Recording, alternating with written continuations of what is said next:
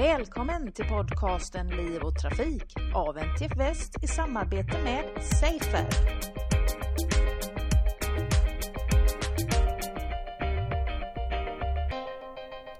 Liv och Trafikpodden träffar idag Malin Lundgren som är verksamhetschef på NTF Väst. Välkommen till podden Malin!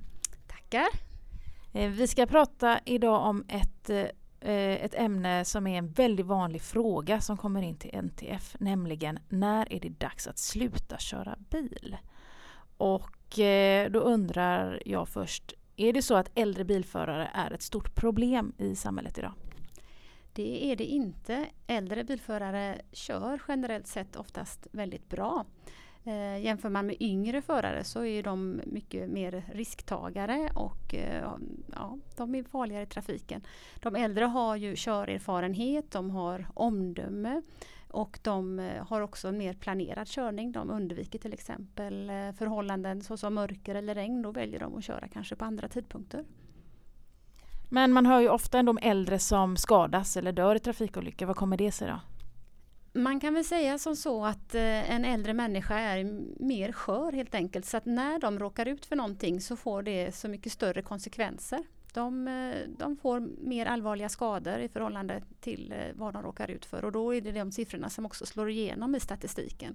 Så många tror ju att det här är en farlig grupp för att de råkar illa ut.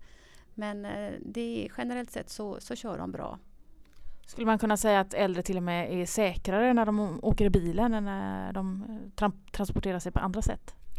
Ja, men eh, det kan man faktiskt se att eh, tar vi dem som trafikanter när de går till fots, det vill säga fotgängarolyckor, så är det betydligt många fler som skadar sig allvarligt när de går till fots. Och utifrån det perspektivet så är ju bilen relativt sett ett säkert transportmedel för äldre.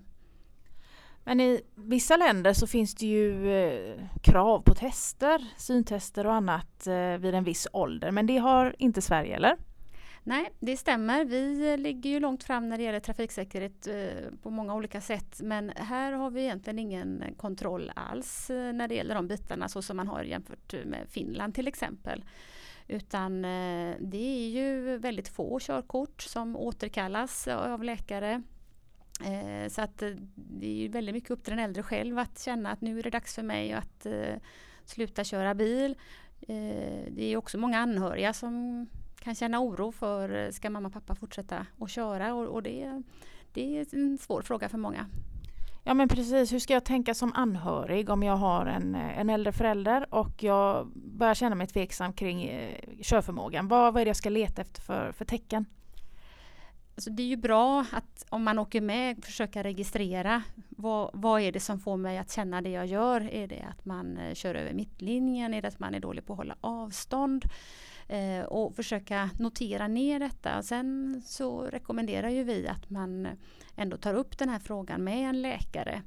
Och eh, gärna att man bokar ett möte. Och som anhörig så kan du också ta kontakt med den här läkaren kanske innan och redogöra lite grann för dem. De eh, problemen som du har noterat. Och då kan man ju sen ändå ha ett möte alla tre där man kan utreda sen. Är det lämpligt att fortsätta köra bil? Det kanske fungerar alldeles utmärkt men det kan också vara så att eh, det är olämpligt. Och då är det viktigt att man slutar att köra.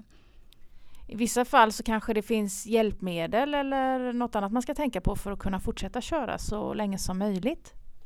Ja, det är någonting som vi pratar om att bilen är en möjliggörare för många äldre att fortsätta vara aktiva, att man ska kunna ha en bibehållen livskvalitet genom att man är rörlig, kan sköta sina vardagsärenden själv, kunna hälsa på nära och kära och eh, ja, helt enkelt kan bidra till en bättre folkhälsa på det sättet eh, när man sitter hemma och är isolerad. Och då som sagt, har man då en bil som eh, är lämplig för äldre så, och att man kan köra längre upp i åren så är det bra. Eh, och vad, vad är det då kan man ju fråga sig. Och, eh, där finns det ju studier som visar till exempel att eh, automatlåda underlättar körningen. Det är färre moment som krävs för att man ska, när man till exempel svänger eller ska mm, köra igenom en korsning så, så sköter bilen det här med växlandet. Eh, andra saker som eh, man också kan tänka på är att om man nu har möjlighet att köpa en ny bil att man väljer en bil med bra säkerhetssystem. Eh, till exempel den baxen så kan ju hjälpa till att eh, hålla lite koll bakåt om man är stel och inte kan vrida sig fullt.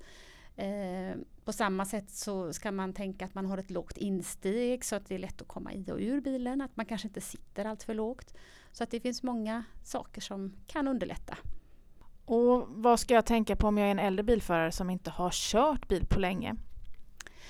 Ja, den här problematiken är kanske vanlig framförallt bland kvinnor där oftast eh, man lever ihop med en man som kör bilen för det mesta och så åker man med som passagerare.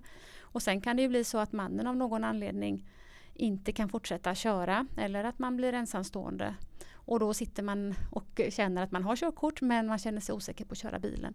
Och där kan man ju faktiskt göra som så att man eh, tar en körlektion. Man kan ju gå till trafikskola även om man redan har körkort. Man kan be om att få lite avrostningslektioner. Det kanske räcker med en lektion för att man ska få självförtroendet. Och om man tänker att man som anhörig vill stötta sin mamma eller pappa i detta så kan man ju ge dem en lektion i present tycker jag. Så om jag förstår dig rätt Malin så tycker NTF att eh, vi ska uppmuntra till bilkörande så länge som möjligt, eh, även på äldre dagar. Men när är det direkt olämpligt att köra bil då? Så det finns ju tillstånd där man absolut inte ska köra bil och eh, det är ju många äldre som varje år drabbas av demens, eh, stroke och sen är det ju också det här att man kan få synnedsättningar på grund av starr eller gula fläcken och då, då är det direkt olämpligt att köra bil. Men NTF väljer ju att ha framförallt ett främjande perspektiv. Vad beror det på? Varför är detta en fråga som eh, ligger NTF varmt om hjärtat?